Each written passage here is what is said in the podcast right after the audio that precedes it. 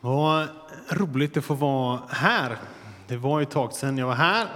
Eh, och alla ni känner ju inte mig. Jag känner inte alla er heller, men jag känner ganska många utav er. Eh, jag heter Peter Levin och för lite mer än sju år sedan så flyttade jag härifrån Karlstad till eh, Göteborg. Och då när jag bodde här så jobbade jag som ungdomspastor i den här församlingen. Och därför så känner jag ganska många, men såklart inte alla. Och nu bor vi nere i Göteborg där jag jobbar som en av pastorerna i Smyrnakyrkan där med ungdomsarbetet där och det trivs jag gott med. Vi har hinnat, hunnit få två stycken barn sen vi flyttade härifrån. Lo som var här framme och sprang lite och sen så har vi en Kerstin som befinner sig lite längre bak i lokalen. Hon vinkar nu ifall någon sitter. Ehm, jag tänkte utgå från en, eh, en bibelvers från Matteus evangeliet och eh, den står i, alldeles i början av Matteusevangeliet och det är 1 och 23. Den kommer upp här. Då tycker jag vi kan ge Fredrik en applåd som sköter multimedian. Han hängde in sent här idag, men jag mejlade han det här typ två minuter i elva och här är det. Fantastiskt. Jungfrun ska bli havande och föda en son och man ska ge honom namnet Immanuel. Det betyder Gud med oss. Och Matteus lyfter åtminstone två gånger till fram just det här i sitt evangelium.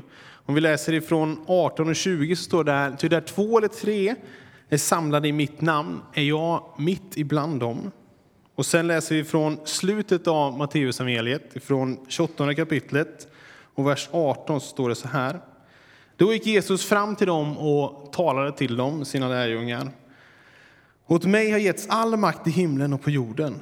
Gå därför ut och gör alla folk till lärjungar. Döp dem i Faderns och Sonens och den helige Andes namn och lär dem hålla alla de bud som jag har gett er. Och jag är med er alla dagar till tidens slut. Jesus är Gud med oss. Gud är inte mot oss, utan han är med oss. Det här har jag tänkt att tala lite grann om idag, men vi kan väl be en bön tillsammans först. Tack Herre att vi får vara här och, och fira gudstjänst idag. Tack att vi får samlas kring dig Jesus och ha dig i centrum.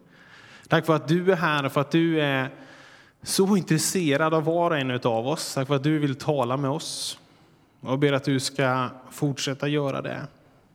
Du ser det som du redan har sagt genom musiken och sångerna, Gud. Jag ber att du fortsätter tala med oss. Hjälp oss att Öppna våra hjärtan så att vi kan ta till oss av det som du vill säga. Och jag ber Gud att vi ska få gå härifrån åtminstone något lite förvandlade. Att den här gudstjänsten får göra någonting med oss. Och du vet om vi behöver bli mycket förvandlade eller om det är dags att du bara justerar någonting i våra liv, Herre. Amen. Gud själv väljer att bli människa, att födas hit ner till jorden. Inte för att döma oss, utan för att, att rädda oss. Han står ju på vår sida. Han är ju med oss. Och det här är en tanke som finns genom hela Bibeln. kan Vi se. Vi ska läsa några olika bibelord. Ifrån Första Mosebok så sägs det till Jakob, jag ska vara med dig och skydda dig var du än går. Jag ska föra dig tillbaka till detta land. Jag kommer inte att överge dig. Jag ska fullgöra det som jag lovat dig. Och i andra Mosebok så säger Gud till Mose, Gud svarade, jag ska vara med dig. Och går vi fram till Josua bok så står det så här, ingen ska kunna hålla stånd mot dig så länge du lever. Jag ska vara med dig som jag var med Mose och inte svika dig, inte överge dig. Och i Jesaja så sägs det till Israels folk i det 41 kapitlet. Var inte rädd, jag är med dig. Ängslas inte, jag är din Gud. Jag ger dig styrka och hjälper dig, stöder och räddar dig med, din hand, med min hand. Och i Haggai så står det så här. Herrens sändebud, Haggai framför då Herrens budskap till folket. Jag är med er, säger Herren. Gud hade lovat att vara med sitt folk. Det visste det judiska folket. De kunde se tillbaka på sin historia och se hur Gud hade räddat dem och, och vakat över dem. Han hade fört dem ut ur Egypten där de hade varit slavar. Han hade fört dem bort från Babylonien där de hade varit slavar. Det var inte så att det judiska folket aldrig hade varit med om, om jobbiga tider, det hade de verkligen. Men i det långa perspektivet så kunde de se tillbaka på och se hur Gud hade varit med dem. Hur han hade hållit sin hand över dem och inte övergett dem, precis som han hade lovat. Och när Matteus skriver om Jesus, att han ska få namnet Immanuel, så citerar han ett stycke just från profeten Jesaja. Han plockar upp den texten för att visa på hur Jesus är den Messias som profeterna har talat om. Att Gud har varit med förr, men nu har han kommit hit till jorden för att bli Gud med oss. Och precis som Gud var med sitt folk i Gamla testamentet så är Jesus nu med sitt folk, oss, kyrkan. Och Gud är med. Oavsett vad vi känner, oavsett om vi tror det eller inte. Ibland undrar vi ju verkligen vad som händer kring oss i våra liv och vi förstår inte allt. Och vi undrar vart är Gud mitt i allt detta? Men det känns som Bibeln verkligen vill slå fast det. Att vi är inte ensamma. Gud är med. Och jag kan tycka det där är svårt att tro ibland. Jag är övertygad om att vi alla har haft sådana tillfällen när vi undrat vart, vart tog Gud vägen nu egentligen? Och ibland kanske man ser först i efterhand att Gud var med, även om inte allt blev bra längs resan. Jag och Hanna var med och startade upp en sån här eh, hemgrupp, smågrupp, för ett par år sedan. Och då för att ge, liksom, komma igång ordentligt så tog vi de första gångerna och gav en lite djupare presentation av oss själva. Vi fick på sådär 5-10 minuter berätta lite om våra liv för att vi skulle ja, lära känna varandra bättre.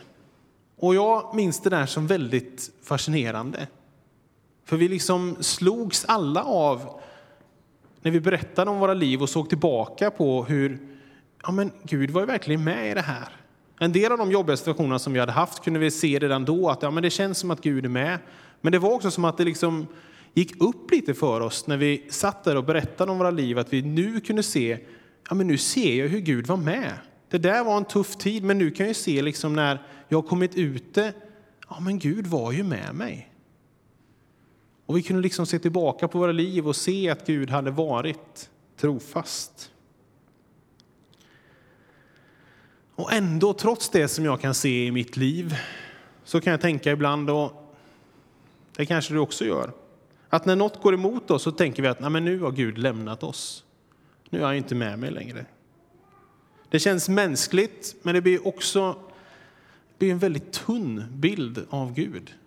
Om vi tänker att när det går bra för oss, ja men då är Gud med oss och så går det dåligt, ja men då har Gud lämnat oss. Det bygger lite på att det är vi som har hela bilden. Men det tror jag vi behöver inse att det har inte vi. Jag är en människa och, och Gud är Gud. Det är han som har hela bilden. Och har han lovat och sagt att jag är med dig, då är han det. Även om jag i vissa situationer inte känner det och inte kan se det. Jag skulle önska att jag på något sätt kunde få på ett uppmuntrande sätt få säga till dig idag att ja, men Gud är med dig. Du som kanske oroar dig, att du, du behöver inte oroa dig. Förtrösta. Gud har lovat i sitt ord att vara med oss.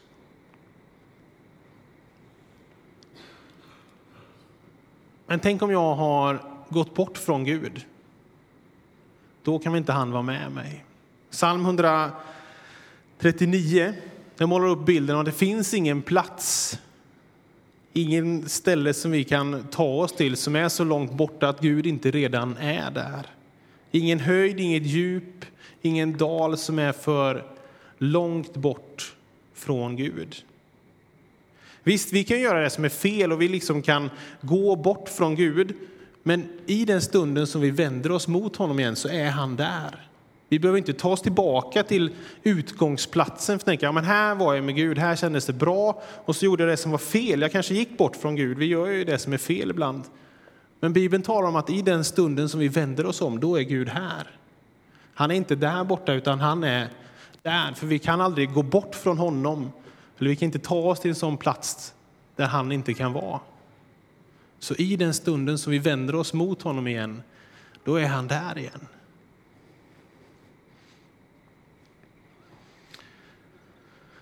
Vi hade eh, kring våra fredagsgudstjänster i Smyrna hade vi ett, ett tema, ett kortare tema som vi kallade för The Comeback Sessions. Alltså eh, sessionerna om att få göra comeback, fast vi hade det på engelska för det lät lite fräckare.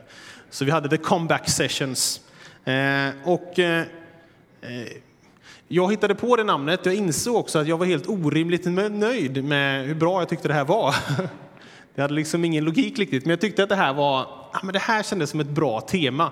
Och så hittade vi en schysst bild som liksom förstärkte det här. Jag tyckte bara, men det här kommer bli så, så bra. Och det, ja, jag inser ju att det var, eh, det var inte i nivå med hur bra det var, men hur nöjd jag var med mig själv riktigt. Men när jag började tala på det här temat så insåg jag ändå lite grann, men varför är jag så nöjd över det här? Jo, men det är ju för att jag älskar när människor får göra comeback. Jag är så svag för sådana stories.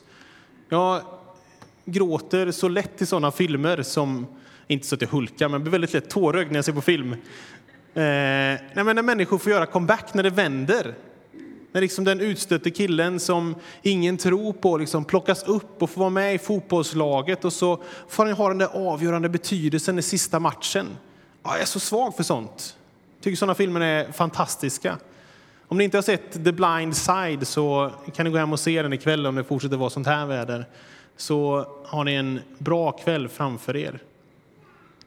Jag älskar när människor får göra comeback. Eller när en lärare berättar om en strulig elev som får till det där provet som den behöver få till för att klara sig. Och så gör den det och så lyckas den.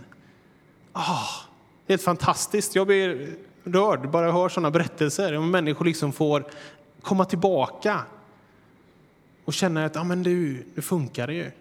Nu är jag på rätt väg igen. Och jag tror att du kan få göra en sån upplevelse idag. Kanske är du i behov av att känna att du får göra en comeback i ditt liv. Och då är det fullt möjligt, för Gud är med oss. Gud vill vara med och låta dig få göra en comeback i ditt liv idag. Min bön har varit att någon ska få uppleva det och kanske vända sig om och börja gå i riktning mot Gud igen. Kanske att du behöver göra en comeback i ditt liv. Jag vet inte vad det handlar om, men det är fullt möjligt idag. För Gud är med oss. Han är Gud med oss. Vi ska få lyssna till en eh, sång av Hanna. Och sen ska jag fortsätta tala lite.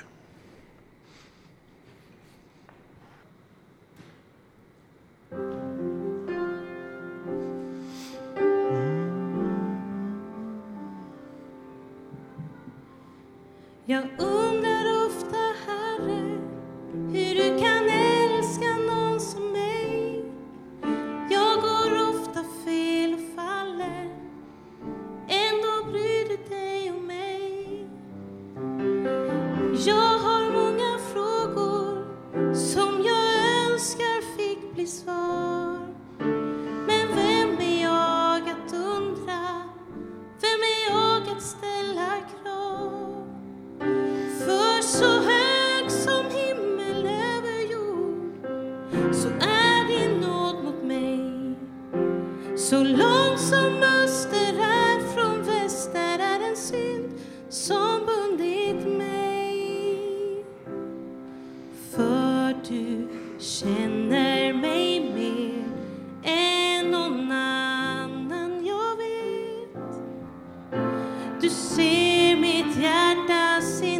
innersta Ger mig långt mer än jag förtjänar Du känner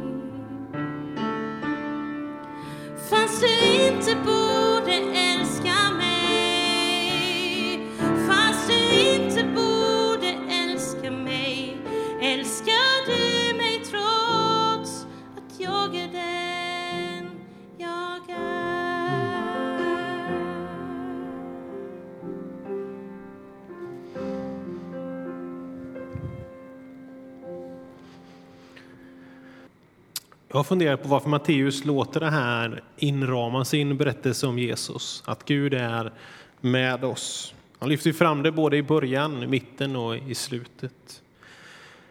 Jag tror att han gör det för att vi behöver veta det när vi tar oss an det uppdrag som Matteus också avslutar med. Vi ska berätta om Jesus för andra.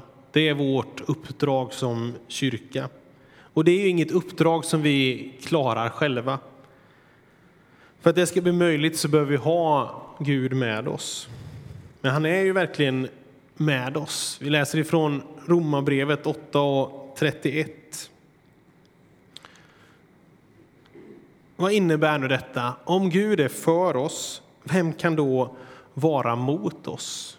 Och i Filipperbrevet så skriver Paulus Allt förmår jag genom honom som ger mig kraft.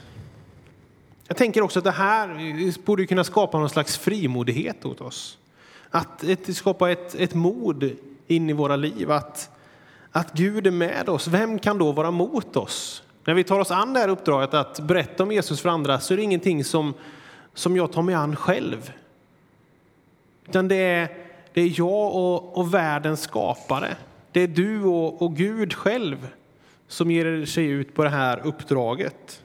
Därmed inte sagt att det alltid kommer gå enkelt och, och smärtfritt. Människor har ju en, en, fri vilja och de får reagera precis som de vill när vi berättar för dem. Men vi är inte själva i det här uppdraget. Vi kan också läsa i Matteus kapitel 16 om Jesus innan han ska börja gå mot Jerusalem och sin död där. Hur han pratar med sina lärjungar om vem han egentligen är. Han frågar, sina lärjungar och Petrus får en uppenbarelse från Gud och han svarar ja, men du är Messias, den levande Gudens son. Och Jesus svarar att på detta ska jag bygga min församling och ingenting ska kunna stoppa det. Inte ens döden, inte min död, inte er död. Jag ska bygga en församling, säger Jesus. Det är ett löfte som han ger. Och jag tänker att det, kändes antagligen som ett ganska overkligt uttalande. De var 13 stycken samlade där, inklusive Jesus. Det var antagligen ganska skitigt. De stod på någon grusväg. Det var inte så idylliskt. Det var inte någon framgångssaga det här och då. Det var en ganska liten grupp som var samlade. Det såg inte ut som att det skulle gå så bra faktiskt. När Jesus kommer in i Jerusalem så kan vi läsa i Bibeln om hur det är fest och människor är glada och det är liksom en härlig uppståndelse. Men sen blir han tillfångatagen Jesus och då skingras hans lärjungar. De träffas sen för att sörja hans död tillsammans. Men hans ord om att bygga en församling kan ju inte ha varit särskilt levande just då. Men så uppstår han ju. Och vi kan läsa om hur det liksom blir en glädje och hur geisten och gnistan tänds på nytt för dem. Och så kommer vi till det där bibelstället som jag läste i början, i slutet av Matteus evangeliet. Om vi försöker sätta oss in lite grann i det när Jesus ger dem uppdraget. Så är de på ett berg utanför Galileen. Och enligt Matteus så var de nu tolv stycken, inklusive Jesus. De var en mindre än förra gången. Och Jesus säger återigen åt dem att bygga en församling av alla folk och alla nationer. Och jag kan ju tänka mig att de måste ju faktiskt fundera på, men hur i hela friden ska vi ens ta oss dit? De gick ju när de skulle någonstans och nu skulle de plötsligt ta sig till alla världens länder. Men alla folk skulle bli en del av hans församling och de skulle lära dem allt vad han hade lärt dem och han sa att jag kommer vara med er till tidens slut. Men sen så återvände Jesus upp till himlen. Och kvar står lärjungarna. Jag tänker att det måste ändå varit lite overkligt för dem. Det fanns visserligen fler som hörde till lärjungaskaran då. Kanske att de var upp mot 200, men ändå alltså. Troligen så hade ju ingen av dem inte varit mer än ett par dagsresor hemifrån och de kände antagligen inte ens till särskilt många länder. Men hur gick det? Hur gick det till? Hur överlevde kyrkan? Varför firar vi gudstjänst här än idag, nästan 2000 år senare? Jo, för att Jesus han lovade att han skulle vara med sina lärjungar. Han skulle bygga en församling och ingenting kunde stoppa den, inte ens hans egen död. Och församlingen får ju faktiskt en ganska bra start där i Jerusalem. Det är ganska många som tar till sig det som lärjungarna predikar om. De predikar ju väldigt konkret, lärjungarna. De berättar om vad de hade varit med om, det som hade hänt. Ja, men ni vet ju den här Jesus som gick runt här och sen dog men sen återuppstod. Ja, men du var ju med när han återuppstod. Du har ju träffat honom. Du vet ju att han lever nu idag. Och så berättar han om vad Jesus gjorde. Och det är något väldigt fräscht där att tala utifrån det som, som händer, inte bara om massa tankar som vi, jag, tenderar att göra ibland, utan berätta om det som händer, som lärjungarna gjorde. Och församlingen växer och vi kan se hur det går framåt. Sen möts den ganska tidigt av förföljelse. Människor blir dödade och församlingen blir lite skrämd. Församlingen finns där, men den växer inte. Tillväxten blir liksom lite uppstoppad. Och Jesus sa att ingenting skulle kunna stoppa den. Och jag vet inte riktigt hur det gick till, men det är som att Jesus bestämmer sig för att ah, men här behövs det någon mer. Det behövs en ny kille in i den här matchen. Liksom. Någon som inte är rädd av sig, som inte drar sig för att vara lite obekväm med människor eller predika lite var som helst. Det behövs någon som tycker om att resa lite grann, som är modig och uthållig. Och så hittar en sån kille i motståndarlaget. Saul från Tarsus som sen får namnet Paulus. Så Jesus bestämmer sig för att värva Paulus. Mitt när Paulus tänker att han ska förfölja kyrkan så kommer Jesus och säger du, jag vill att du är med i mitt lag istället. Jag vill att du är med och bygger min kyrka. Din egen plan får du lägga lite grann åt sidan. Du får vara med mig nu. Jag vill att du är med och gör det här. Och Paulus får med och skriva typ halva Nya Testamentet och näst efter Jesus är han den som betytt mest för den kristna tron. Och han blir också lite av det första exemplet på det som vi kan se hur Jesus sen fortsätter göra genom hela historien, att bryta rakt in i människors liv. Mitt in i familjer, mitt in i utbildningar, mitt in i karriärer och bara säga du, det är dags att du hänger på mig här nu. Du får ta ett break med din egen plan och din egen tanke, utan jag vill att du är med och bygger min församling. Och Jesus kallar människor in i tjänst för Guds rike.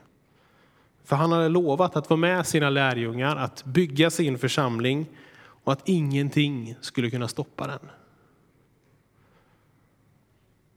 Och även om Paulus reser runt en hel del och faktiskt grundar mängder av församlingar kan vi läsa om, så kan inte han ha föreställt sig vilka konsekvenser det som han gjorde skulle kunna få.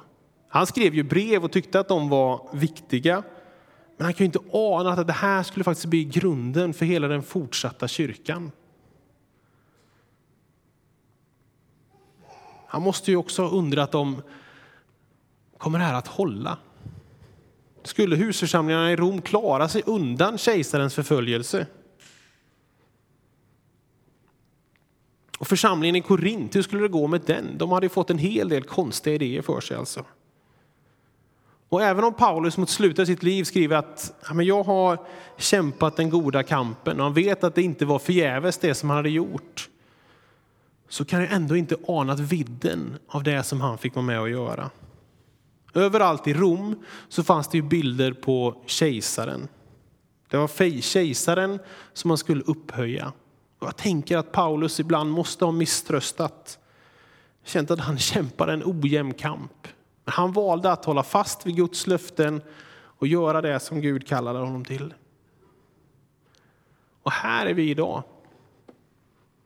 Drygt 2000 år senare och firar gudstjänst kring samma centrum som då. Jesus är Messias, han är den levande Gudens son. Han är den som dog och som återuppstod. För Jesus har lovat att bygga sin församling. Och även om jag kan tycka att det finns kristna kyrkor som är konstiga och annorlunda så kan vi ändå enas kring det här. Att Jesus är Messias, den levande Gudens son. Och när vi gör det, när vi enas kring det, så är vi en del av uppfyllelsen av det som Jesus sa. Att jag kommer bygga min kyrka och ingenting kan stoppa det. Om man skulle önska att man kunde få säga till Paulus att överallt idag i Rom så hittar man kors. Som en symbol för hopp, inte som en symbol för avrättning som var på hans tid. Utan idag så finns det en hoppets symbol över hela Rom. Och man döper sina barn till Paul och Peter och sina hundar till Nero. Och att vi är här idag är nästan som ett slags bevis ju för att Gud är med oss.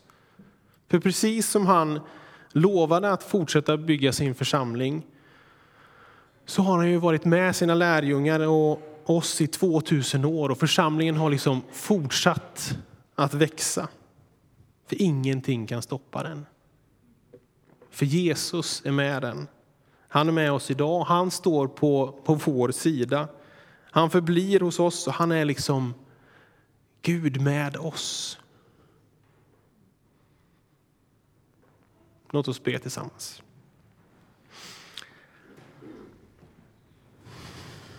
Tack. Tack Gud för att du är på vår sida. Tack Jesus för att du lät dig födas hit ner och, och fick namnet Gud med oss för att berätta och förklara för oss att vi skulle förstå att du är på vår sida, Gud, att du vill oss gott. Att du längtar efter att få ha en relation med oss. Tack för det vi kan få se på genom historien och se hur du har hållit dina löften, att du har fortsatt bygga din kyrka, Gud. Trots att det kan ha sett svårt ut i vissa tider så har din församling fortsatt växa. Jag tackar dig för det. Låt det få bli en, en uppmuntran och ja, med ett tilltal in i våra liv att du är trofast, att du är med oss, Herre.